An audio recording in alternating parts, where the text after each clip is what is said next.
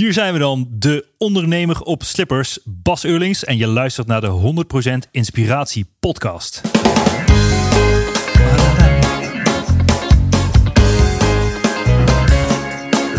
Hey, wat goed dat je luistert. Hij staat weer voor je klaar. Je wekelijkse dosis inspiratie is weer daar. De allerleukste gasten geven al hun kennis prijs. Met je veel te blije host, hij praat je bij. Zijn naam is Thijs. Thijs,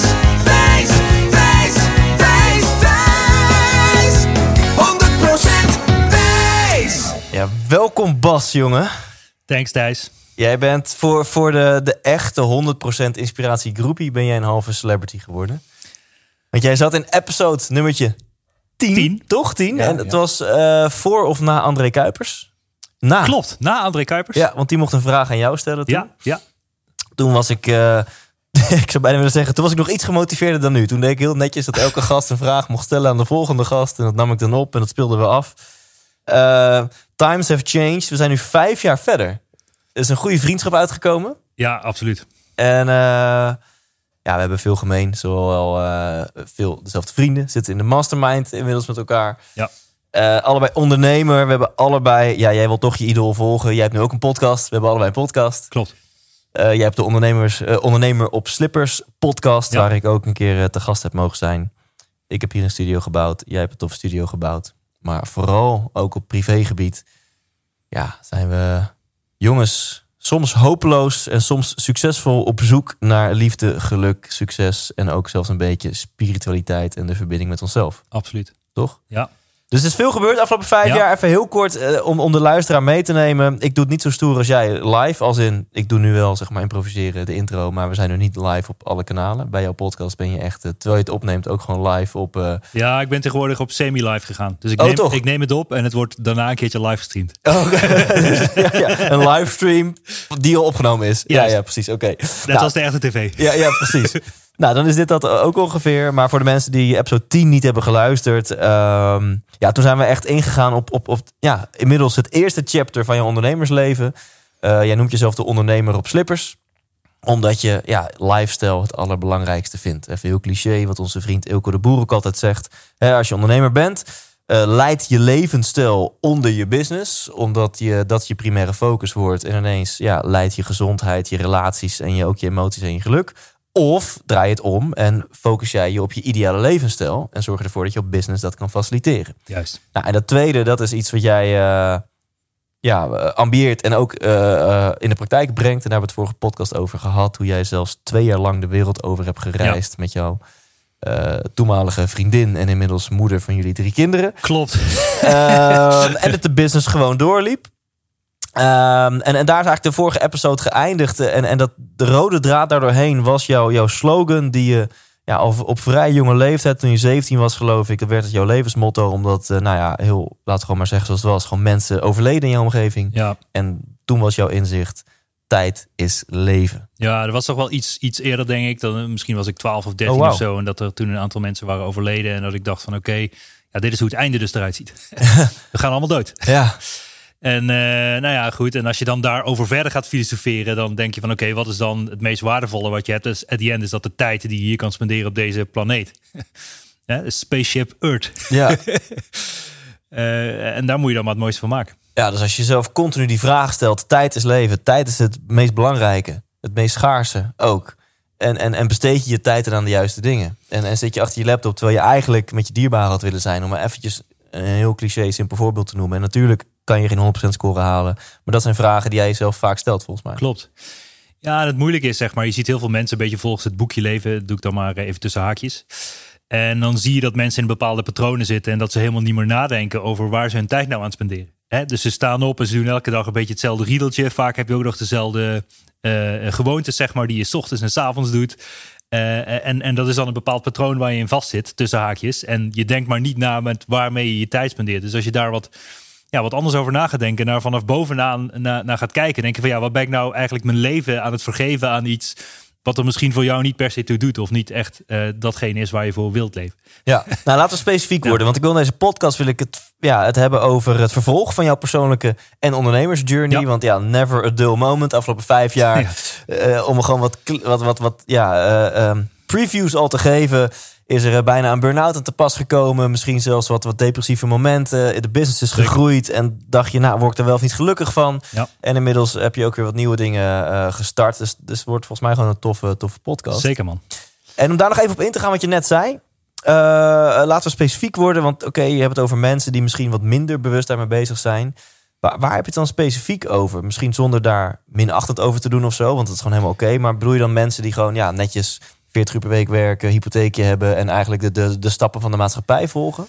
Ja, zo kun je het wel zien. Dus dat is hoe ik het volgens het boekje leven zie, zeg maar. Dus mensen die gewoon, uh, ja, whatever. Je, je, je gaat naar school, je gaat daarna een opleiding doen. Daarna uh, ga je werken. En dat doe je dan totdat je met pensioen gaat, whatever leeftijd dat is. Elk jaar heb je je 24 vakantiedagen. Uh, ga je ergens op vakantie. ga je op strand liggen, kom je weer thuis en ga je weer aan het werk ja, als dat het leven is wat je wil leiden, ja, prima, weet je. Maar dus ik probeer daar toch met, met een ander perspectief naar te kijken. En te kijken van, ja, wat kun je nu daadwerkelijk met die tijd? En je komt toch redelijk snel erop uit, zeg maar, dat je dan ondernemer zou moeten worden om meer vrijheid te claimen en meer uh, het heft in eigen handen te nemen eigenlijk. En dat is wel het pad wat ik dan ja, het liefst voorspiegel van ja, oké, dit is het. En maar ja, daar is ook weer een stukje lef voor nodig. En um, ja, je moet toch wel in je stoute schoenen gaan staan. Wil je dan zelf het heft in eigen handen nemen? Om met die end of the day zelf ook je tijd onder controle te krijgen. In plaats van dat iemand anders dat voor je doet. Ja. Want laten we eerlijk zijn, mensen die whatever uren het is, weet je, fulltime werk, laten we dat als voorbeeld nemen. Daarbij dus 40 uur per week bepaalt iemand anders uh, wat jij aan het doen bent als je daarover nadenkt, is dat eigenlijk insane. Want er is zeg maar gewoon het grootste deel van je hele week bepaalt iemand anders wat jij doet. Ja, als je daarover gaat nadenken, tuurlijk, weet je. Ik bedoel, en daar moet je dan ook nog maar vrolijk van worden. En daar begint ook vaak de burn-out. Dat je op een, op een plek zit met een verkeerd petje op. Of het, of het kost je meer energie dan dat het je oplevert. En, en je collega's die zijn niet het beste. Of whatever you, you name it. En, en dan gaat het fout, zeg maar. Wat ik hierin denk te horen is dat je zegt maak bewuste keuzes. Want uh, misschien luisteren nu mensen en misschien zijn ze zelfs al een beetje geprikkeld. Van ja, maar Bas, ik heb gewoon een baan en dat vind ik gewoon best wel leuk en ik vind het prima. Nou, dan is jouw visie ja, helemaal prima. Als dat een bewuste keuze is, dat hetgeen wat jij 40 uur per week doet, weliswaar voor iemand anders. Als dat gewoon iets is wat jouw energie oplevert en jij vindt die levensstijl perfect, dan is er niks aan de hand. Ja, en ik ga even terug naar, naar een tijd geleden. Weet je, toen op een gegeven moment werd ik ochtends wakker. En ik probeerde op te staan en alles begon in één keer te draaien. Dus ik kon gewoon letterlijk niet opstaan omdat alles begon te draaien. En um, nou ja, dus op een gegeven moment, uh, ik, uh, ja, ik mevrouw roepen. Ik zo, ja, die was erbij. En op een gegeven moment, Claudia heet mevrouw dan. Nou ja, en op een gegeven moment, ik kon gewoon niet opstaan. Dus ik, het, elke keer als ik opstond, begon het mega te draaien. Ik dacht ook van, ja, dit is niet goed, weet je. Ik, ga, ik dacht echt van, ja, dit, dit, dit is gewoon het einde. En als je vanaf die, nou ja, toen ben ik verder gaan onderzoeken. Uiteindelijk ben ik naar de dokter gegaan en bleek het draaiduizeligheid te zijn. Dat is iets wat, waar ik nog nooit van had gehoord. Maar dat is blijkbaar een soort van verstoring in je evenwichtsorgaan. Dat er bepaald gruis aan de verkeerde kant van je, ja, je evenwichtsorgaan zit. Waardoor je dus ja, je hoofd denkt dat je zeg maar op een schip staat en, en, en mm. in de achtbaan zit. Zo. En um, toen ik dat had, toen dacht ik ook van ja, en toen begon ik pas heel erg bewust na te denken van oké, fuck weet je, stel dit is nou echt het einde. Stel dit is nou gewoon echt het moment dat, dat het leven tegen jou zegt van Bas, nu krijg jij een of andere ongeneeslijke ziekte en misschien heb je wel een of andere tumor in je hoofd zitten en, en is het het einde.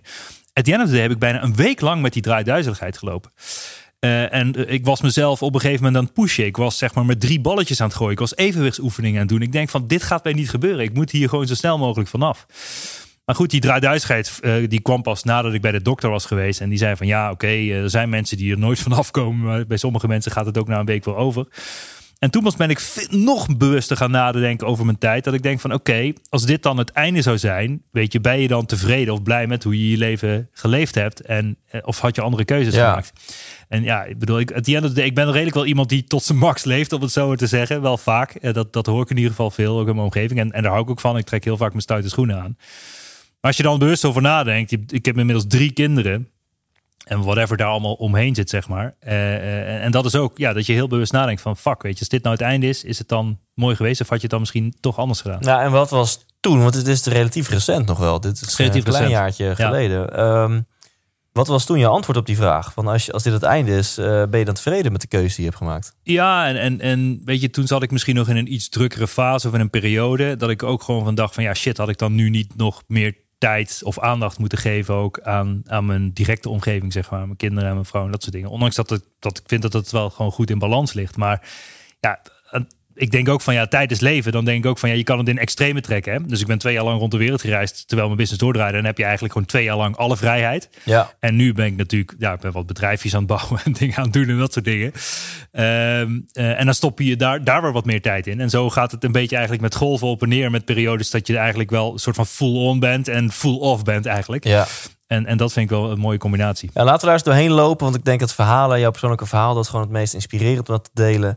En dan hoop ik ook de luisteraar mee te nemen in wat concrete tips hoe je wat bewuster keuzes kunt maken. Hè? Want Ja. anders blijven we een beetje zo meta en vaag van Ja. hè, eh, leef je droom en doe jouw ding en eh, je leefstijl is het belangrijkste. Maar eh, ik weet zeker dat we ook jij, jou als luisteraar, wat concrete handvatten kunnen geven om bewuster keuzes te maken. Daarom gaan we het ook nog hebben gewoon over simpele dingen als geld en hoe je daar anders mee om kunt gaan, zodat dat jou meer vrijheid Mhm. geeft.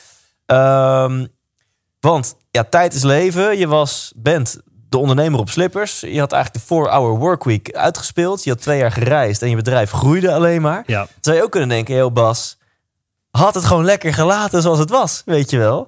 Eh, maar toch, hè, dan, dan- dan, gebeuren er dingen of word je enthousiast, eh, gevoed door een gezonde motivatie, of misschien toch omdat je dat succes wilt, eh, ga je dat bedrijf verder uitbouwen. En zie je eigenlijk, en ik geef me al een beetje voor je voor, zie je eigenlijk die 4-hour workweek toch langzaam groeien naar een 40-hour workweek. ja.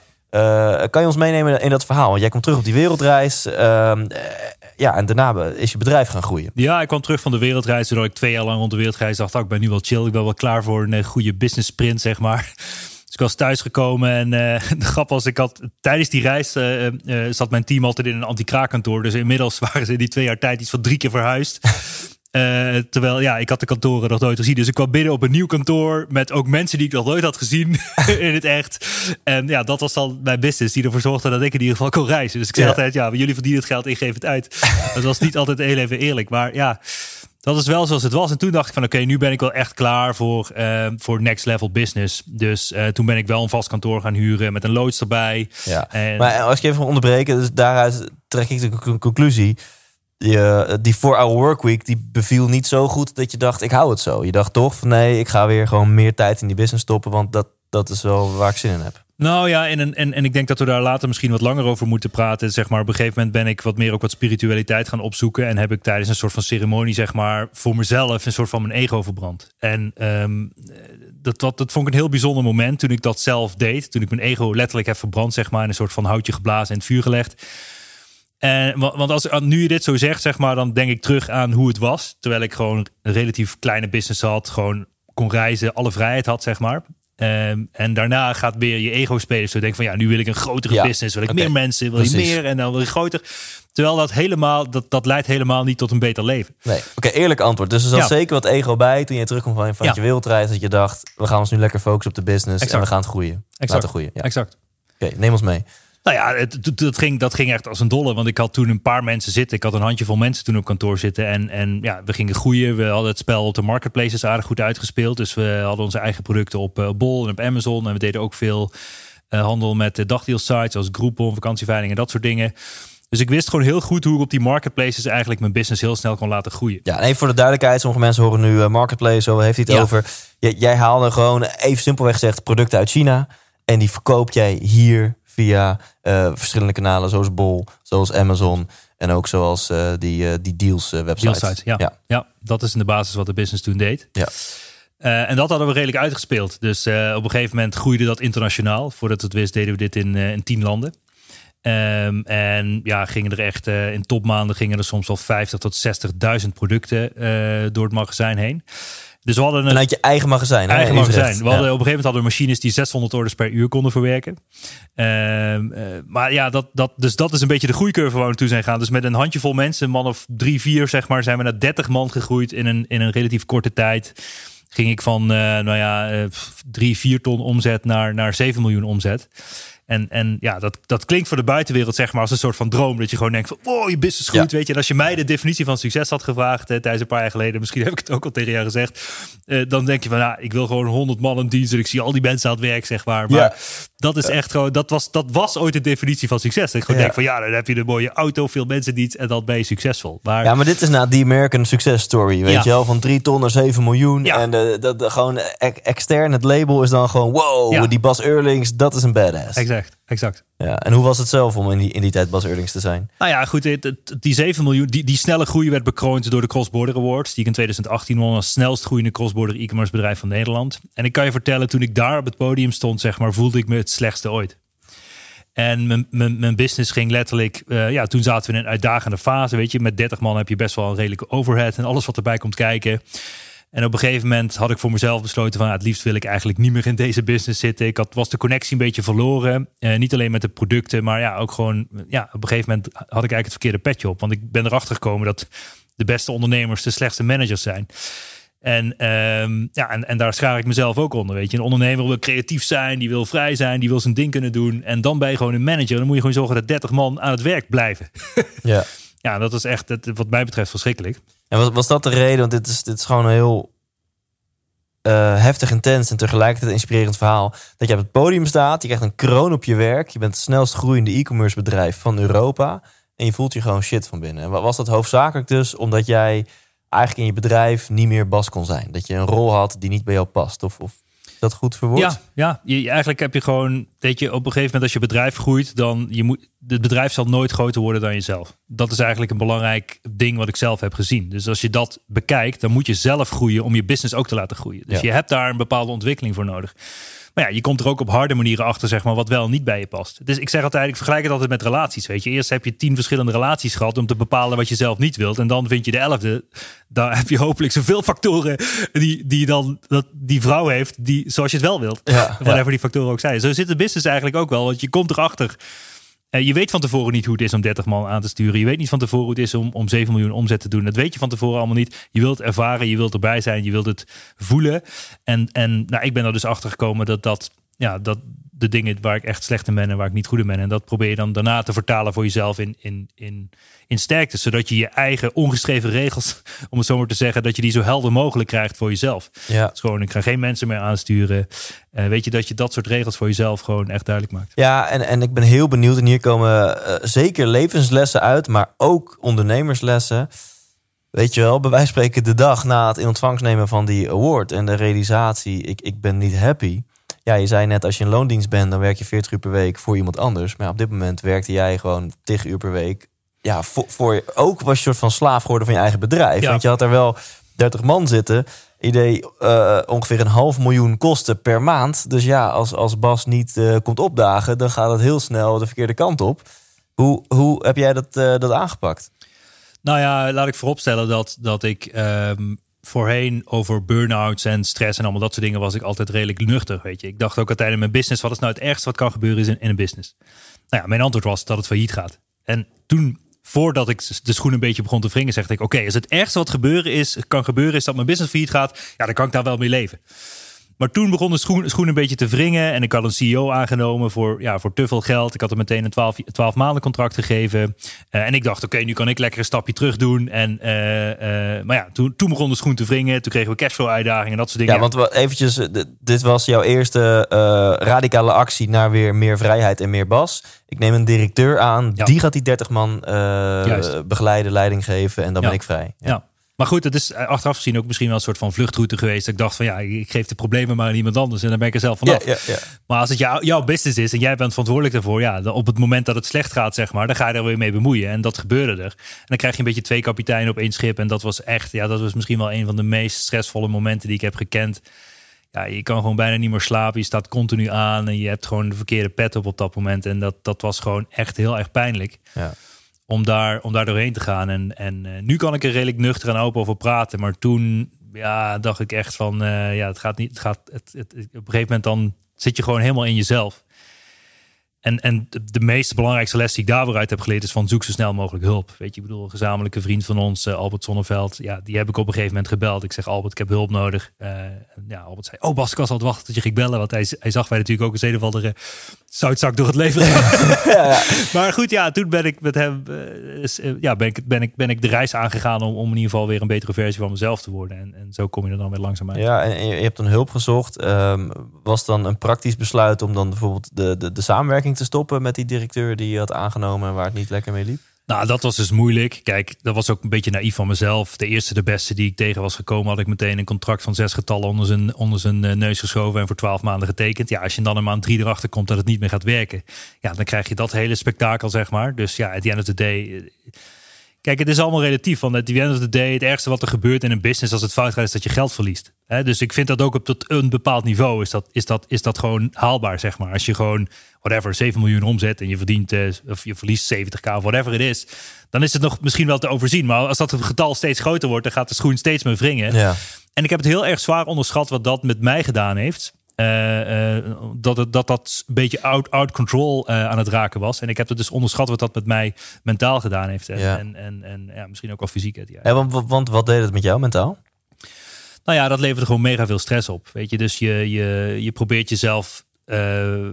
ja, weet je, dus, dus ik stond daar op het podium. Je wint een prijs als snelst groeiende crossborder e-commerce bedrijf van Nederland. Maar eigenlijk weet je dat het mega slecht gaat en dat het eigenlijk naar beneden gaat. Dus het is een beetje een soort van spagaat waar je in zit. Ehm, en ja, weet je, ik bedoel, ik heb als ik me goed voel, dat is, weer het, dat is ook weer een andere tip. Als ik me goed voel, heb ik hele goede gewoontes. Kijk, nu, Thijs, ik, ik train al een hele tijd, drie keer per week met een personal trainer. Die komt bij mij thuis. Ik probeer zo gezond mogelijk te eten, weet je. Eh, Alles ligt, la- laten we zeggen, zit in balans. Maar op het moment dat je je slecht voelt, ga je overal aan tornen. Je gaat slechter eten, je gaat minder sporten. Eh, en dan ga je alleen al, door dat alleen al minder te doen, ga je je al slechter voelen. En dan gaat het ook nog eens slecht. Heb je heel veel stress, zit je hoofd de hele tijd eh, hon- eh, ja, 100 uur per dag door te draaien, zeg maar. De, gewoon 24-7 als je hoofd doordraait, dat is echt, is echt vergif, zeg maar. Stress Ja. is echt vergif. En daar ben ik achter gekomen. Op een gegeven moment dacht ik ook echt van, ja, als ik nu zeg maar gewoon een hersenbloeding zou krijgen, zou het me gewoon niet verbazen, zeg maar. Snap je? Dat ik gewoon denk van, ja, dit, dit kan gewoon, dit is echt levensgevaarlijk eigenlijk. Ja. Stress is levensgevaarlijk. Ja. En wat heeft je dan met hulp van Albert, eh, Albert Zonneveld, eh, uiteindelijk daar, daaruit ge- geholpen? Ja, goed, weet je, dat is toch wel weer terug in je eigen kracht komen. Het stomme is ook van, van de beste coach, zeg maar, die stelt je alleen maar de juiste vragen. At the end of the day heb je alle antwoorden al in je. Alleen ze moeten, ja, je moet ze zelf inzien en dat je in ieder geval niet een, een zak zand bent en dat je het gewoon weer zelf aan kan, zeg maar. Dus dat, dat, en, en als je ja, redelijk burnt out bent, zijn het gewoon redelijk kleine stapjes die je moet nemen. En we zijn nu toch wel een x aantal jaren verder, weet je. En ik heb nog steeds het idee dat ik nog steeds niet helemaal 100% van die, van die fase herstel ben. Omdat het echt relatief echt heel langzaam gaat. Ja. En ehm, ja, en, en daarvoor keek ik echt tegen mensen die een burn-out hadden van ja, dat overkomt mij toch niet. Ja. Eh, laat maar, weet je. Dus Ja. dat, dat is een beetje. Ja, want om daar een paar highlights van te noemen, want ik ken natuurlijk, omdat ik jou gewoon eh, goed Ja. ken, eh, het, het verhaal. Uiteindelijk heb je uiteraard, denk ik, afscheid genomen van, van die, eh, ja, die kampioen waar het gewoon niet goed mee, ja, mee dat was. CEO. Was gewoon Of CEO, ja. eigenlijk geen kampioen. En, gewoon een, iemand die je had ingehuurd om de bedrijf, het bedrijf te runnen. En toen heb je volgens mij ook een keer, ik weet niet of je- daar wat over wil vertellen, maar heb je ook volgens mij een keer echt een hele emotionele speech aan je team gegeven. Omdat je echt dacht van, eh, jongens, eh, Ja, dat is mega moeilijk. Hè. Weet je, in die fase voel- voelde ik mezelf al heel slecht. En ook door de sessies met Albert. Ja, op een gegeven moment moet je gewoon je team bij elkaar vegen. En ja, heb ik gewoon echt letterlijk jankend voor mijn hele team gestaan. En gewoon gezegd van jongens, ehm, ik zie het allemaal niet meer zitten. Ik weet niet wat ik moet doen. Maar ik hoop dat we hier samen uit gaan komen. En dit zijn waarschijnlijk de stappen die we moeten nemen. Maar weet dat dit mijn verhaal is. En ja, ik hoop dat we eruit komen. Ja. En toen wist ik het antwoord nog niet op hoe het, hoe het eruit ging zien als we eruit komen. Maar ja, dat was wel echt eh, was heel moeilijk. Was Ja. heel moeilijk. ja, Dat is echt heel moeilijk. voel het man. Ja. En hoe, eh, hoe ben je uiteindelijk daaruit gekomen? Nou ja, uiteindelijk is het, heeft het veel te maken met eh, eh, durven kiezen. Hè? Dus eh, wat zo'n mooi eh, ding op een gegeven moment eh, had ik letterlijk kiespijn. Hè? Ik, had, ik heb een, in die tijd heb ik dus een tand gehad. Die, ja, die, die, dat- ik deed veel tandenknars ook van de stress en allemaal dat soort dingen. En dus één, één tand doodgegaan. Ik had nog nooit een wortelkanaalbehandeling gehad. Maar toen de tijd is een van mijn tanden dus doodgegaan, letterlijk. En ik moest dan moet je zo'n wortelkanaalbehandeling doen. En kiespijn staat voor pijn om te kiezen. Ja. En dat is een beetje zo'n dubbele eh, ja, zin die je kan omdraaien. Dus ik had echt letterlijk pijn om te kiezen. Want ik wist, niet van, ik wist niet wat ik moest doen. Ik wist letterlijk zelf niet wat ik moest doen. Dus ik had hulp nodig. En dan het, het, het beste wat je kunt doen is gewoon ja, van bovenaf kijken met hulp. En dan rigoureus beslissingen en keuzes maken. Dus gewoon nu dit anders, nu dat anders. Nou ja, weet je, kijk, in mijn geval, ik had een business met, ja, misschien een e-commerce business met misschien 2000 verschillende producten die ik op dat moment verkocht. Ik importeerde echt, ja, ik had op dat moment misschien wel een miljoen aan voorraad liggen. En ik heb gewoon rigoureus de keuze gemaakt om een eigen merk te gaan ontwikkelen. Om alle producten die ik op dat moment had uit te verkopen. Ik heb letterlijk, nou ja, misschien heb ik gedurende mijn hele business wel meer dan een miljoen aan voorraad afgeschreven. Maar in die fase heb ik een heel groot deel van die miljoen aan voorraad letterlijk een soort van uitverkocht. En ik ben helemaal getransformeerd naar één merk. eh, die ik eh, met name via de marketplaces zoals Bol en Amazon ben gaan verkopen. Eh, met eigen productontwikkeling. Want ik wist uiteindelijk dat daar de toegevoegde waarde zat. En elke business heeft alleen bestaansrecht, zeg maar, als die waarde toevoegt. Hè? Dus ik zie ook het letterlijk soms gewoon van plat inkopen en verkopen. Dat model is gewoon niet meer ja, houdbaar tussen haakjes voor de long term. Ja. Dus ik dacht, hoe kan ik waarde toevoegen? En dat heb ik gedaan door eigen producten te Ja, ontwikkelen. dus in het leven, wat maakt gelukkig? Al dus eh Thijs Lindhout, leef 100% jij, leef trouw in jezelf. In je business, eh, wat, wat zorgt ervoor dat je business bijdraagt aan je geluk? Dat je daar ook de juiste pet op kan hebben, dat je daar je 100% bas kan zijn. En, en op praktisch niveau ben jij meer dan 2500 producten gaan, gaan terugschalen naar drie tot vijf producten van een eigen merk. Dus een stukje eenvoudiger. En, en ook een team van 30 mensen op de loonlijst ben je ook gaan terugschalen tot, ja, Een wereldwijd virtual team. ja, Ja. oftewel gewoon nul mensen op de loonlijst. Exact. Ik heb Ja. 30 man ontslagen en ik ben daarna getransformeerd naar een wereldwijd virtual team. Inderdaad. Sterker nog, je hebt toen ook eh, de grote kantooruitverkoop gedaan. Ja. En de tv die nu achter ons staat. Hier in Komt onze studio. Is, eh, die heb ik toen op de kop getekend. Omdat ene Bas Eurlings een eh, totale leegverkoop ja, had. Ja, ja, ja. Dankzij jou kan ik weer een paar dagen eten. Dankjewel Thijs. Ja, ja. En in die periode kom je ook vaak langs voor een dekentje en een warme kop soep. Waarvoor graag gedaan nog steeds. nee, dus, dus, maar dat zijn wat je ook zegt. Want er komen echt interessante lessen uit je verhaal. Je zegt gewoon durf te kiezen. En jij, jij hebt dus ja, het lef moeten hebben om uiteindelijk te kiezen... voor eh, weer de juiste pet op weer 100% bas kunnen zijn. Wat inhield dat niet alleen je producten... eh, aanbod gewoon, gewoon heel anders eruit is komen te zien. Maar ook dat je toch ook van 30 man afscheid hebt, hebt genomen. Ja. Afscheid hebt genomen van een kantoor. Eh, en, en het helemaal terug heb gebracht naar ja, Bas in zijn uppie met een virtueel team. Juist, ik wilde zo min mogelijk fysiek bezitten. Want eh, ja, dit is ook wel een hele bekende zin. Het, het bezit van de zaak is het einde van het vermaak. ja, dus, dus als je dat allemaal hebt, man. Ik heb zo, ik had op een gegeven moment had ik een container voor mijn kantoor staan. En hebben letterlijk gewoon eh, ja, alle laatste dingen hebben we gewoon in die container gegooid. Maar je- het waren aasgieren. Voordat je het wist, stond het halve industrieterrein toen de tijd die hele co- container leeg te vissen. met alle producten, met producten, stoelen, dingen, alles wat we erin hadden ge- gemikt. En we hebben letterlijk, eh, ik heb we zijn uiteindelijk niet failliet gegaan. Dat is het mooie aan het verhaal. Maar ik heb letterlijk mijn hele inboedel of alles wat er nog was uitverkocht op BVA Auctions. Oh ja. Dus dat was gewoon bieden. En ja, dat ging natuurlijk voor veel te weinig geld allemaal weg. Maar het was wel weg. Ja, ja, ja. Ik wilde gewoon niks meer bezitten. En wat deed het met jou? Kwam, kwam de rust, de creativiteit, de vrijheid, de kracht, kwam die terug? Ja, weet je, kijk wat het is. Hetzelfde met het bezitten van een huis. Hè? Dat, alles wat je bezit, daar, daar, moet, je, daar moet je water geven. Om, om het te onderhouden. Hè? Dat, of het nou een business is of een huis of een auto, maakt niet uit. Alles Ja, wat je of bezit. een moet je- relatie. Of relatie, ja, tuurlijk. Moet- heb je heeft allemaal aandacht nodig. Dus, dus ik ben er ook achter gekomen dat vrijheid zit hem in zo min mogelijk bezitten. Hè? Dus ook, en, en, en daar, als je dan do- doordenkt naar je ego, zit vrijheid misschien ook wel in, in helemaal gewoon eh, niks zijn. Tussen haaks. Dat klinkt een beetje abstract, maar gewoon dat je jezelf geen labeltje geeft. Waarom? Ik hoef niet CEO te zijn. Ik, moet, ik hoef niet, ik ben gewoon Bas, punt. En, ik, en, en je doet wat je doet, zeg maar. Ja. Dus je, je ego totaal loslaten over wie je bent of, of wat je doet, is, is denk ik ook een heel groot deel vrijheid voor jezelf. Ja. ja, want jouw ego had het leuker gevonden als jij hier nu had gezeten en had gezegd: Thijs, ik doe 10 miljoen omzet en ik heb 40 man en ik heb de Cross Border Award nog twee keer gewonnen, toch? En, en, en je hebt, je hebt eigenlijk dat ego eh, voor een gedeelte aan de kant moeten zetten om weer je vrijheid en je geluk te kunnen herpakken. Exact. exact. Ja. Ja, en, en, en vooral het, het, het dus wees trouw in jezelf, zei je eerder al, maar gewoon je eigen ongeschreven regels steeds duidelijker voor jezelf krijgen en daar 100% naar leven. En bij elke keuze die je maakt in je leven nadenken van is dit volgens, is dit volgens mijn ongeschreven regels? Ja.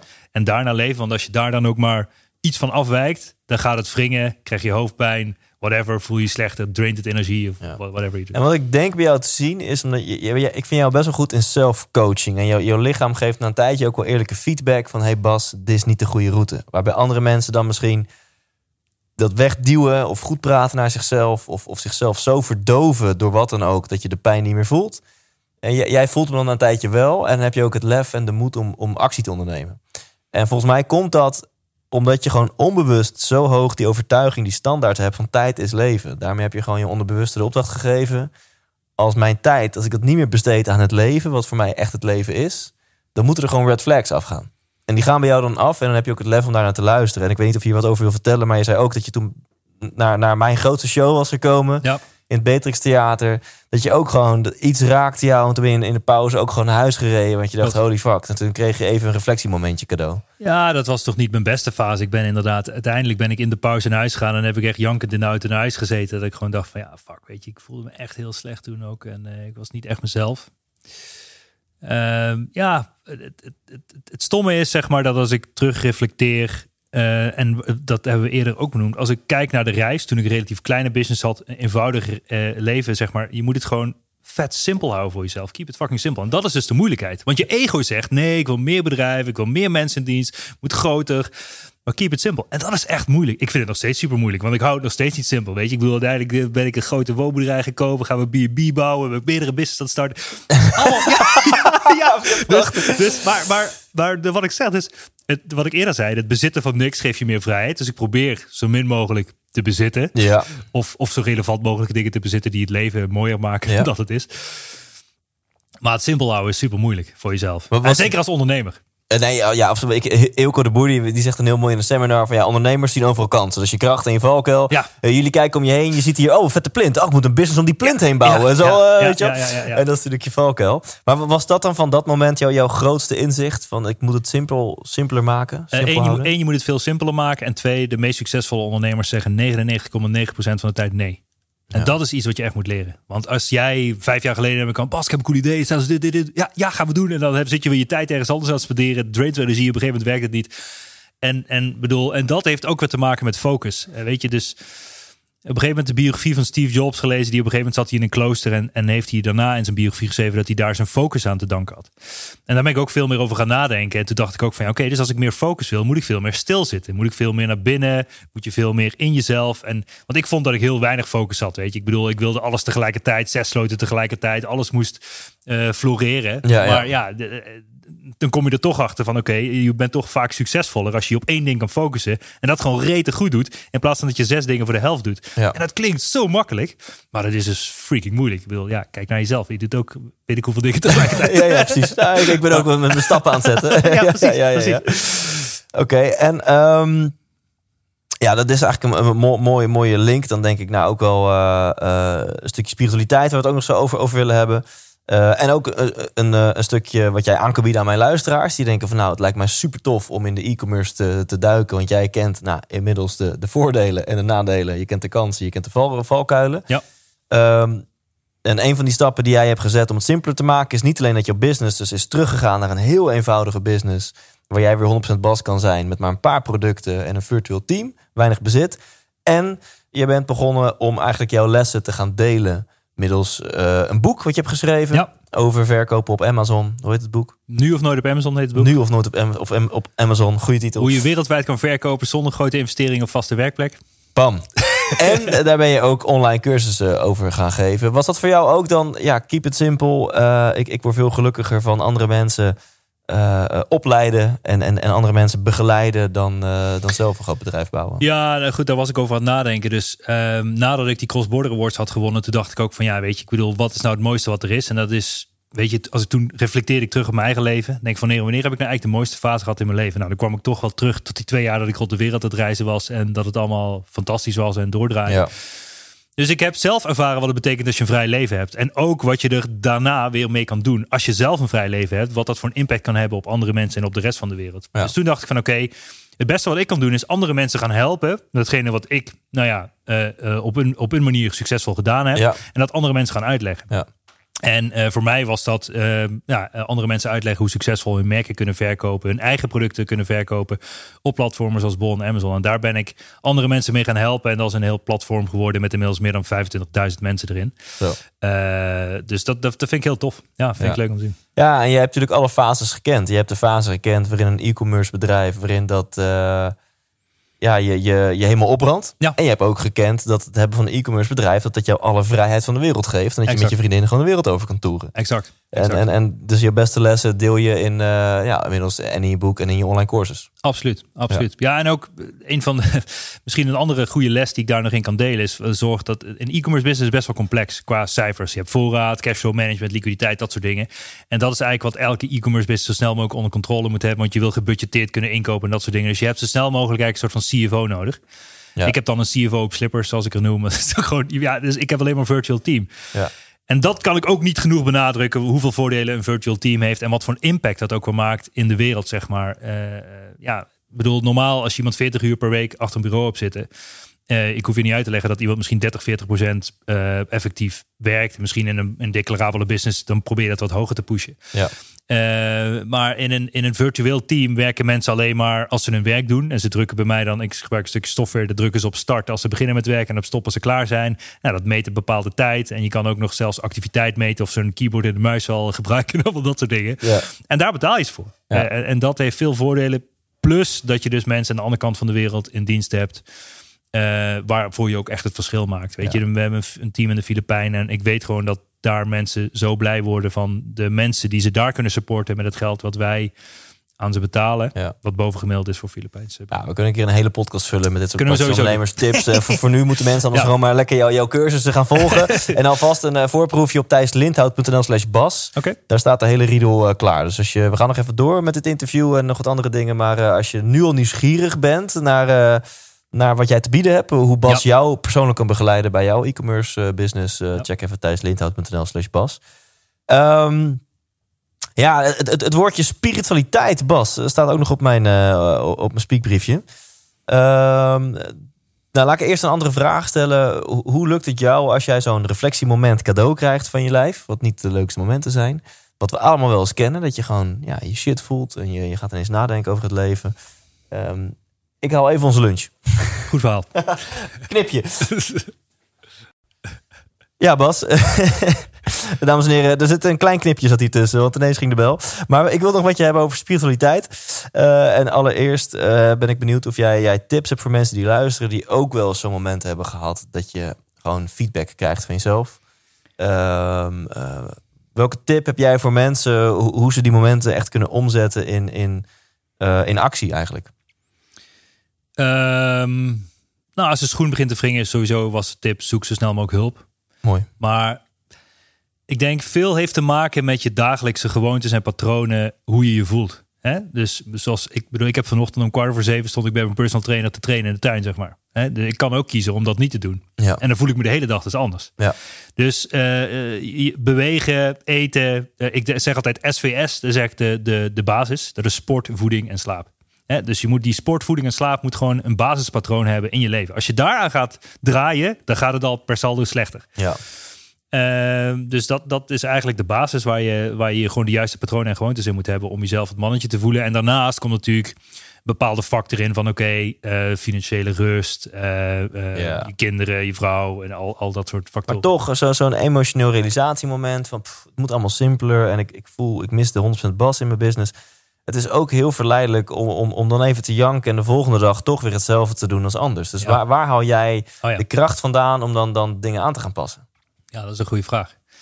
Ja, het stomme is dat ik weet als ik in, in, in, in downperiodes zit of het gaat echt heel slecht, dat weet je natuurlijk, dat voel je eh, aan alles. Dan, dan het als je dan realiseert, ik heb vaker in zo'n moment gestaan in mijn leven. En dan weet ik alleen maar, oké, hierna komt er weer een nieuwe high. Hè? Dus ik weet dat ik in een super low zit eigenlijk. Dus ik, en ik, maar ik weet gewoon en ik realiseer me dat in die low al, van hierna komt weer een super high. En dat is nog wel een klein vlammetje wat continu zeg maar in je blijft branden. Dat je gewoon weet van oké, het gaat nu fucking slecht. Ik voel me niet goed. eh, ik ben niet mezelf. Eh, eh, eh, maar ik weet gewoon dat er is maar één weg. Is naar boven. Want als het dan naar beneden gaat, dan lig je onder de grond zeg maar. Ja, Dus dat is wel een soort van vlammetje wat in jezelf... En, en, dat, en dat komt ook neer, en een heel belangrijke, is blijf in jezelf geloven. Dus zolang je van binnen in jezelf blijft geloven en in je eigen kracht, is echt een hele belangrijke. Dat is echt, als je dat goed leert, in je eigen kracht blijven staan en vooral in jezelf blijven geloven en dat met zelfvertrouwen aanpakt. hmm. En misschien is het antwoord daarop dan wel die stilte waar je het nog over wil hebben, waar ik het met je over wil hebben. Want, want de hoe ligt dan nu toch op mijn lippen, weet je wel. Hoe vind je dan dat geloof in jezelf?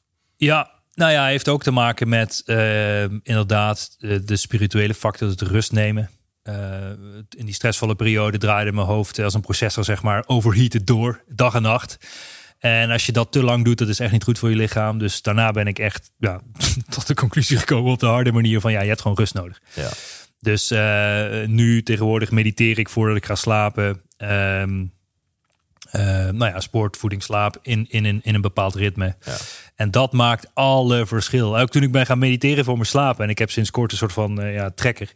Ja. Eh, dat je, je je recovery en je slaap kan trekken. Nou ja, als ik niet mediteer voor slaap, ik zie het, je ziet het direct, ik zie het direct in de data. En dat is heel raar. Hmm. Maar dat is ook nog een soort van hack. Dat ik denk van oké, ik wilde zelf zien van wat doet het als ik nou wel of niet mediteer. Maar je ziet gewoon je recovery is lager, je slaap is onrustiger en allemaal dat soort dingen. Ja, en en dat, ja, dat kan, maakt een groot verschil. En wat zijn next steps die jij wil nemen op dit eh, pad naar binnen toe? Nou, next steps. Eh, het- Ik, tijdens de wereldreis waren we in Bali en daar hebben we maandenlang achter elkaar elke ochtend yoga gedaan. En dan zijn we ook met veel meer, nou ja, hoe noem je het, spirituele mensen in aanraking gekomen eigenlijk. En ehm, eh, daar waren ook veel mensen die Vipassana's deden. En, en een Vipassana is eigenlijk een tiendaagse meditatie-retraite waar je letterlijk tien dagen lang met niemand praat. eh, eh, alleen maar tien uur per dag mediteert. 's ochtends vroeg eruit en dat soort dingen. En dat was op dat moment, ehm, eh, ja, dat klinkt niet heel erg aantrekkelijk, maar ik dacht van dit wordt het keerpunt in mijn leven. en Vipassana, de letterlijke vertaling van Vipassana, betekent ook dingen zien zoals ze echt zijn. En als ik kijk naar hoe ik leefde, zeg maar, in een rush en daarvoor en, en, en je hoofd 24-7 doordraaide, je ziet de dingen gewoon niet meer zoals ze echt zijn. En daarvoor moet je dus de stilte in, moet je bepaalde focus hebben, moet je, eh, ja, je meditatie en echt naar binnen gaan om de dingen weer te zien zoals ze echt zijn. En zodat je vanuit je eigen innerlijke kracht kan leven. Ja. Nou ja, lang verhaal kort. Ik had me opgegeven in Rusland voor zo'n Vipassana een tijd geleden. En toen kwam corona, dus ik ben nog niet geweest. Maar ik sta nu echt letterlijk in juni is er een eh, zevendaagse retraite. Waar ik, eh, ja, waar ik zo goed als zeker aan mee ga doen. Iets dichter bij de Rusland, geloof ik ook. klopt. Bij je buurman. Ah, ja, klopt. Ik heb, ik heb iemand in het dorp die dus Vipassana meditatieleraar is. Ja. Eh, en die ook, eh, ja, die- en, en hij heeft gewoon zelf die ruimte achter. En hij heeft Ja. één keer de retreat al gedaan. En ik wil daar de retreat gaan doen om gewoon tien dagen lang met niemand te praten. Alleen maar tien uur, of zoveel mogelijk tien uur per dag te mediteren. En, en gewoon gezond eten. Ja, wat, wat is je verlangen? Wat hoop je daar te gaan eh, voelen, ervaren? Ehm, meer innerlijke rust voelen en ervaren. Eh, meer in control. Ehm, het is ook de moeilijke manier om erachter te komen, zeg maar, om antwoorden van jezelf te krijgen. Zo zie ik het. Weet je, er zijn heel veel short hacks. Hè. Mensen nemen bepaalde middelen of doen een korte, een, een, een, ja, whatever. Ik neem ook ijsbaden en je kan ook een zweethut ingaan of andere dingen doen. Maar dat is, dat is eigenlijk een beetje de korte versie van de Vipassana. Want in de Vipassana moet je met jezelf aan de slag. Zit je gewoon tien uur per dag te mediteren en al dat soort dingen. En eh, met andere middelen is hetzelfde effect misschien maar voor een kortere periode. Dus het is eigenlijk een soort van, je probeert dan de shortcut eigenlijk een soort van te Ja. nemen. Ja, want in in principe, want ik ken mensen die al eh, dat hebben gedaan. Ja, ben je die tien uur lang let je gewoon op, je, op de ademhaling langs je neusvleugels. Ja. En en that's it, Dat. basically. En dan Ja. zou je denken, hè, hoe komen er dan levenslessen je pad op? Nou ja, Ja. Ik denk dat iedereen die nu alleen al aan denkt, al weerstand voelt. Ga eens even zeven dagen lang, tien uur per dag, gewoon even mediteren met je ogen dicht. Focus op je neusademhaling. Ik denk dat iedereen weerstand voelt. En die weerstand Ja. vertelt je eigenlijk, ja, daar Ja. ga je dus wel dingen leren. Daar ga je dingen leren. Ja. Ja. Ja, probeer het maar eens een half uurtje of whatever. Als je nooit mediteert, probeer maar eens vijf minuten stil te zitten. Ja. het is al moeilijk genoeg. Dus ik denk ook van daardoor krijg je meer focus. Leer je de dingen weer zien zoals ze echt zijn. En ga je nog, nog dichter bij jezelf leven. Ja. En dat, dat zou voor mij de uitkomst moeten zijn van, eh, van dit spektakel. Ja. ja, ik vind het vet man. Heel eerlijk, ik durf dit dus gewoon nog niet. Ik, eh, ik, ik weet dat ik Ja, ik ook daag je uit. Ik wil je eh, graag eh, meenemen jullie. Ja, ja, dan is het dus toch de, de, de, de, de safety mode in mij wat zegt... oké, kan ik beginnen met een driedaagse? Weet je, ja, ik ja, even. Een goede vriend van ons heeft dat natuurlijk gedaan... en dat was al heel impactvol op zijn leven. Dus Ja. we'll see. Ehm, laten, we, laten we het gaan afronden. En, en, en eh, ehm, op eigenlijk een hele toffe manier voor jou als luisteraar. Want als je Bas hebt gehoord en je denkt van... nou, ik vind het wel tof eh, als Bas eh, mij verder helpt... Dan, dan kan het op een aantal manieren. Mhm. Dus als jij in de e-commerce zit, of je wil in de e-commerce, of zelfs als jij een e-commerce bedrijf hebt en dat wil je misschien wel gaan verkopen, dat je denkt van nou, het moment is wel aangebroken dat er wat cash op mijn bank mag komen. Of als jij eh, eh, in de crypto's zit, het komt even uit het niets nu. maar ja, Bas, jij bent telkens op zoek naar van hey, hoe kan ik meer vrijheid vinden? En, en, en, en daar hoort gewoon ondernemen en, en, Ja. en ook je geld slim inzetten hoort daar ook bij. Dus dat wordt nog, nog de nabrander van, eh, van deze episode die wij nu ingaan. Dus blijf even lekker luisteren als je daar nieuwsgierig naar bent. Want dat kan super mega waardevol voor jou zijn. En dat staat dus allemaal op thijslindhout.nl slash bas. Ehm, ja, laten we het gewoon even in doorlopen, Bas. Het eerste heb ik al kort aangetipt. Wat kan jij betekenen voor mensen die zelf ook eh, een e-commerce business willen oprichten en eh, willen leren van jouw fouten? Ja, mooi. Nou ja, goed. Ik help mensen met het starten, het doorgroeien en later ook het verkopen van een e-commerce merk. Ehm, en zou jij willen starten of doorgroeien van je merk? Uh, nou ja, dan heb ik heb dus boek geschreven, nu of nooit op Amazon. Ehm, nou, laten we daar gewoon de link op die pagina planten. dat mensen dat? gewoon. het boek is gratis, je betaalt alleen de verzendkosten. Dus ja, dat is verder niet zo spannend. Ik kan er eventueel nog een spannend sourcing course of zo aan toevoegen voor een mooi bedrag voor je luisteraars. Dus bij deze. Tof. ja, dus check dat gewoon op, die, op die pagina wat, wat voor jou klaar staat. Um, en ook, uh, ja, ik ben momenteel met, met, met, uh, met een business bezig die eigenlijk succesvolle e-commerce brands opkoopt. Um, uh, dus, uh, en daar zijn we nu echt een mega funding voor aan het ophalen. Komt ook een beetje uit niks dit, maar het maakt niet uit. Ja. Uh, dus mocht jij een merk hebben die jij succesvol hebt, met name op bol.com of Amazon, zeg maar, dan zijn wij mogelijk geïnteresseerd in het opkopen van jouw merk, of in ieder geval van, jou, van jouw merk. Dus we zullen daar ook wat instructies zetten op die pagina. en het gaat met name welke merken zijn voor ons interessant om over te nemen. Dat is als je relatief weinig producten hebt met een relatief hoge omzet via de kanalen zoals bol.com en Amazon. En dan uh, komen we graag uh, met jou in gesprek om je... Noem maar wat, al heb jij een, een stressballetje... wat jij in vijf verschillende kleuren verkoopt op Bol en Amazon... en dat gaat best wel goed dan uh, zijn jullie misschien wel geïnteresseerd om dat bedrijf over te kopen. Ja, en het liefst zien we private label merken of, of uh, nog meer waarde toegevoegd door eigen productontwikkeling. Maar in ieder geval dat het op minimaal je eigen merk is. Ja. Uh, en het liefst ook waarde toegevoegd aan de producten. Maar als dat een kleine set producten is die jij goed verkoopt via Bon Amazon, dan zijn we op zoek naar jou. En dan bied ik je graag een mooie exit aan. Ja. we hebben ja, een mooie zak, zak met geld in ieder geval om merken op te kopen.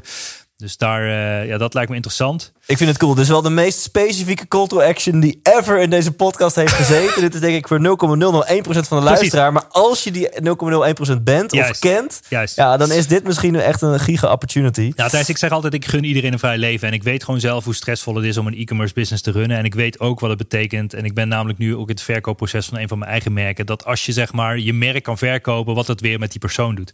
Dus je koopt letterlijk vrijheid voor een ondernemer. En ik bedoel, ik hoef jou niet uit te leggen. Als jij een merk in de e-commerce verkoopt en op een gegeven moment verkoop je je merk. Je hebt in de e-commerce heb je voorraad, cashflow, liquiditeit. Je hebt bijna nooit geld op je bankrekening staan. Dan krijg je echt geld voor je merk en kun je letterlijk doen wat je wilt. Uh, en, en dat is wat ik gun iedereen gewoon een vrij leven. En daar komt het op neer. Nou, en dan tot slot over vrijheid gesproken.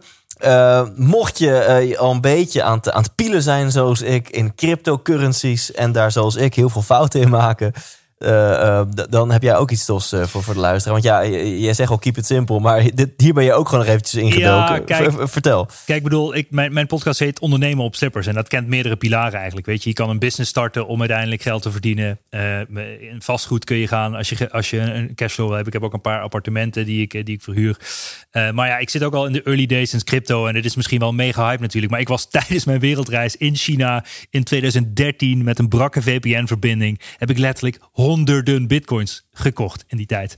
Ik heb nog screenshots dat er gewoon in mijn wallet gewoon 177 bitcoins zitten. Zeg maar ja, ik hoef die terug te rekenen. Is gewoon iets van 12 miljoen waard deze dagen. Maar maar goed, ik ben in ieder geval early days in die bitcoin en die crypto, uh, in die crypto gestart. En, uh, maar waar ik achter was gekomen is dat het super moeilijk is om daar zeg maar mentaal van af te schalen. Dus dan heb je die dingen tijdens die wereldreis. Ik voelde me helemaal het mannetje. Ik had ze geloof een paar maanden later met echt woekerwinsten verkocht. Ik heb zowat bijna mijn halve wereldreis van die bitcoin winsten uh, bekostigd. Dus dat is, wel, dat is wel een mooi verhaal. Maar goed, als je doorrekent is het weer een... Ja, maar goed, ja. maakt niet uit. Um, maar wat het moeilijk is van die crypto's, je bent er continu mee bezig. Ik was in die wereldreis, ik heb in die paar maanden dat ik die bitcoins had gekocht, ik was elke vijf minuten die koers aan het refreshen. En er ging een hele hoop headspace ging daar naar van waar gaat die koers naartoe? En je verkoopt het altijd op het verkeerde moment. Want dan gaat het naar boven, naar beneden, ga je paniek verkopen, paniek aankopen, whatever het is. Dus om die FOMO eruit te halen, heb ik eigenlijk een nieuwe. Uh, nou, laatst kwam ik in het dorp, kwam ik, uh, kwam ik een goede, ja, goede gozer tegen die ik al een tijd ken, die bij mij in het dorp is komen wonen. Die zei van ja, Bas, ik heb het helemaal, ik heb het helemaal de code gekraakt met crypto-bot trading. Hè? Je zegt Bas, geen FOMO, geen FUT, geen gedoe. Je hoeft je headspace er niet aan, aan, aan toe te laten. Midden in de nacht kopen deze bots of verkopen deze bots als het nodig is. En toen dacht ik van oké, ja, hoe werkt het dan? Nou, ik, hij, hij liet het me zien. Hij had 600 uh, gemaakt op zijn geld in een periode van zeven maanden tijd. En het, uh, toen dacht ik, oké, interessant. Nou, stel dat ook eens voor mij in. Dus ik, ja, wij, waren samen aan de keukentafel dat handeltje ingesteld. Nou ja, en, en ik geloofde. Ik denk, het zien is geloven, weet je. Dus ik, ik, ja, ik zag mijn stack eerst uh, een deel naar beneden gaan. Ik dacht, oh, dit gaat niet goed. Daarna ging die weer omhoog en toen weer naar beneden en toen weer omhoog. Het die end of the day was ik in twee, drie maanden tijd, zeg maar, had ik ook mijn geld verdubbeld. Toen dacht ik ook van ja, en het, het hoeft niet per se een typisch uh, resultaat te zijn. Maar die bots die zorgen er dus voor uiteindelijk dat je de bitcoin outperformt, zoals dat heet. Dus Kijk, iedereen kan nu één bitcoin kopen en het over drie jaar die ene bitcoin weer verkopen. Ja, en dan hoop je dat hij over drie jaar meer waard is. En dan hoop je dat hij over drie jaar weer meer waard is. Maar wat de bots doen is uiteindelijk is dat je van die één bitcoin dus twee bitcoin wil maken. En dat dan liefst in zo kort mogelijke tijd. Kijk, ik bedoel, een bitcoin is deze dagen geloof ik zo'n 60.000 dollar waard of zo. Nou ja, als, ik, als jij van één bitcoin twee bitcoin maakt, dan heb je in één, keer, in één keer het dubbele. Ja, want stel dat die bot hem nu verkoopt en dan dus daalt hij 10% in waarde en dan koopt die bot het weer aan, dan heb je ineens 1,1 bitcoin. Toch? Exact, en dat, dat gebeurt met hele kleine, hele kleine exact, transacties. Exact. Nou ja, er zijn bots met verschillende strategieën. Die werken met, uh, nou ja, met, met sommige die, die hebben een, een trading pair, zoals dat heet. Die gaat dan op Bitcoin, op allemaal altcoin pairs. Gaat die als altcoin meer stijgt dan Bitcoin, dan kun je dus eigenlijk de Bitcoin outperformen op die, op die altcoins. Uh, je kan het ook op USDT doen, dus eigenlijk een variant van de US dollar. Um, daar kun je ook die trades op doen. Je hebt ook break, breakout indicator bots. En dit vond ik eigenlijk de mooiste eye-opener, want veel mensen denken ik kan alleen geld verdienen als de markt omhoog gaat. Maar je kan ook short gaan als de markt naar beneden gaat. En dat kan ook met bitcoin. Dus wil jij geld verdienen als de markt omhoog gaat? Nou prima, dan zit je in de trade omhoog. Maar wil je geld verdienen als die omlaag gaat? Dat kan dus ook. Dus short gaan. En die bots die gaan zowel mee omhoog als omlaag. Dus als de bitcoin daalt, dan zegt mijn bot... oké, nu gaat hij naar beneden. En nu ga ik geld verdienen nu de bitcoin omlaag gaat. En op een gegeven moment gaat hij weer omhoog. En dan ziet hij met bepaalde indicators... ziet hij dan wanneer de trend omhoog of omlaag gaat. En zo kun je dus in een hoog en om op, op markt geld verdienen. En hoe je dat outperformt is ook weer met een klein stukje uh, leverage wat je zo in kunnen zetten. Dus ik heb een bot staan die staat bijvoorbeeld op vijf keer leverage. Hè, wat betekent als de bitcoin 20% stijgt hè, en ik zit in een trade omhoog. Dan uh, met 20% met een vijf keer leverage verdubbel je dus je geld op een 20% stijging. Maar tijdens gaat die bitcoin 20% omlaag en ik zit in de trade, gaat de bitcoin 20% omlaag, verdubbel ik ook mijn geld. Nou, zo kun je wel doorrekenen dat dat heel interessant is als je dat dus op de long term doet, want je outperformt bitcoin en je verzamelt meer bitcoin. Ik vind het zo mooi. Als jij ergens enthousiast over bent, dan krijg je iedereen enthousiast. Want niemand zou mij kunnen vertellen over een... Het, het, het traden, dus het handelen in bitcoins via bots. Hè, dus via gewoon uh, computerprogramma's, via ja, ja robots, algoritmes. Ja. algoritmes. Niemand zou mij erover kunnen vertellen en dat ik enthousiast word, behalve jij. en jij dus ik vind het gewoon super cool. En, en jij ja, zag dat dit werkte en je werd zo enthousiast dat je dacht: ik ga een crypto bot, ja. Uh, ja, community starten en mensen delen hoe ze dit kunnen doen. Ja. En, en ook dat staat dus klaar op thuislinten.nl slash bas. Dus ik denk dat mensen nu wel voelen, uh, net als wat ik voel, dat je enthousiast bent. Dus als het jouw interesse heeft, dan is het denk ik heel waardevol om uh, ja, je door Bas te laten opleiden hoe die bots in te stellen en zo. Kan je er wat over vertellen? Nou ja, ik ben samen dus met Roel, die, uh, die is een soort van sub-ding in de community gestart met de CryptoBot trading. Uh, Roel die stopt zoveel tijd hierin, zeg maar, die, die backtest dus ook heel veel data. En wat, wat betekent backtest? Eigenlijk heb je trading data van, van Bitcoin of andere coins van de afgelopen x jaar of whatever, zolang als de data er is, zeg maar. Ja. En daar kun je dus bepaalde algoritmes op loslaten van als je bepaalde settings op een bot had gedaan, dan kun je dus uitrekenen hoeveel geld je had gemaakt als die de afgelopen x jaar had gedraaid. Oh, ja. Nou ja, dan heb je bepaalde settings waarvan je echt denkt van holy smack, weet je. Dus nou ja, ik heb voor mezelf een beetje de challenge gezet dat ik zeg maar van 10k naar een miljoen wil treden met die bots. En, en, en, en, bedoel, en, en gaandeweg deel ik die reis. En ik vind het prima om heel eerlijk en open te gaan over de performance van de bots die ik gebruik en allemaal dat soort dingen. Maar omdat die markt zo heftig in beweging is. De markt kan omhoog gaan, omlaag gaan. De trend kan uh, verschillende kanten uitgaan of sideways. Voor elke verschillende markten. En je hebt ook altcoin seasons, zoals het heet. Dan gaat de altcoin in één keer uh, door het dak. En daarna gaat de bitcoin weer door het dak. Dus het verandert continu. Dus je hebt echt wel uh, elke maand, of in ieder geval één keer in zoveel weken, moet je wel, je moet gewoon in de gaten houden of het goed gaat. En soms zijn er andere bots die beter presteren, of moet je de settings van je bot aanpassen en allemaal dat soort dingen. En dat is de reden waarom we hier zeg maar een soort van subscription model van hebben gemaakt, omdat we je continu op de hoogte gaan stellen van wat wel werkt. En dat is. Ja. Uh, ja, we hebben nu, de, de community is mega actief, zeg maar. We hebben dus uh, een soort van crypto Kickstarter course ervan gemaakt. Er zit een super actieve community in met mensen die elke dag met die bots aan het pielen zijn, resultaten delen. Uh, en wij zijn op zoek, of Roel in ieder geval is op zoek naar de nieuwste bots die het beste werken. En dat delen we dus met mensen. En, en, en ja, dit ook weer hetzelfde. Ik gun iedereen een vrij leven. En dit heeft ook weer met de ondernemer op slippers gedachte te maken. Dat ik denk van ja, dit kan gewoon at the end of the day een groot verschil maken. Of je nou een loondienst bent, een ondernemer of wat dan ook. Voor iedereen is het interessant ja. om met bots aan de slag te gaan om uiteindelijk uh, niet die 0,5% negatieve rente te pakken boven die ton, maar gewoon een deel daarvan in een cryptobot te zetten die uiteindelijk veel meer rendement ja. maakt. En jij, jij biedt gewoon voor 50% korting eh, aan mijn luisteraar eh, een jaarabonnement aan op, dit, eh, Ja, op dus- deze cursus precies. slash community. Je kan per maand betalen of per jaar en per jaar is het inderdaad eenmalig dat de luisteraar bij jou eh, 50% korting krijgt op dat jaarbedrag. Ja. Tof. Vet man. Ja. Uh, slash Bas, mocht je het nog niet hebben, hebben gehoord. Ik vind het heel leuk als je dit nog hoort als luisteraar. Eh, misschien ha- had je ook echt eh, keihard interesse in, in een van die producten, diensten die Bas te bieden heeft. Misschien vond je het gewoon zo'n leuk gesprek dat je dacht, ook al gaan ze het nu hebben over eh, producten en diensten, ik wil gewoon blijven luisteren, want wat een heerlijke energie, wat een heerlijke stemmen. Ja, thanks Bas. Is er nog iets waarvan jij zegt, daar hadden we het over moeten hebben Thijs, maar hebben we het nog niet over gehad? Mm, moeilijk, weet je. Wij, wij kunnen sowieso al urenlang door blijven Ja. lullen. Ik denk dat, eh, dat de bottom line altijd is van blijf dicht bij jezelf en blijf geloven in jezelf. En ik denk dat de belangrijkste boodschap is die ik uit het gesprek misschien wel kan halen. En dat iedereen dat ook 100% voelt. Dat je Ja. gewoon jezelf bent. Dat is echt, dat is niet altijd even makkelijk. ja, Ja, mooi. Eh, het, het leven is een heel spel wat dat betreft. Ja, dan, dan mag je... Ja, je hebt het eigenlijk nu al gedaan, maar dit is in mijn studio is niet zo professioneel van jou. Je mag nog even de camera pakken en, en, en, en een slotwijsheid delen. Of gewoon een call to action mag ook. Want dan ren ik nog even naar het soundboard om het outro jingle om die aan te zetten. Oké, Ja, dit is dus- gewoon een dus- reclamespotje dit? Of, eh? mag, maar je mag ook wat laatste wijze woorden nog delen over geloof in jezelf. Oké, Het is aan jou. Of een combinatie. Nou ja, goed. Dus eh, nogmaals, blijf dicht bij jezelf. Blijf geloven in jezelf. Ehm, eh, leef rond je eigen eh, regels. En ehm, nou, blijf daarbij in ieder geval. Mocht je meer willen weten, ga naar thijslindhout.nl slash bas. Mocht je meer willen weten over mijn boek Crypto Trading... of mocht je een mooi merk hebben die je wilt verkopen. Let me know. Dankjewel voor het luisteren. Thijs. 100% Thijs. Ja, nou, ik eh, ben net op tijd terug en Bas heeft hem eigenlijk al perfect afgerond. Eh, maar toch wil ik jou ook nog even bedanken als kijker of luisteraar. Als je alleen maar luisteraar bent, check het ook even op YouTube. Gewoon de 100% Inspiratie podcast. En dan kan je het, eh, het terugkijken in deze studio die steeds professioneler wordt. En dat is denk ik ook wel, wel tof. Leuker dan je denkt trouwens om een podcast te kijken. Ik doe dat zelf ook wel eens en dan doe ik dat gewoon heel actief.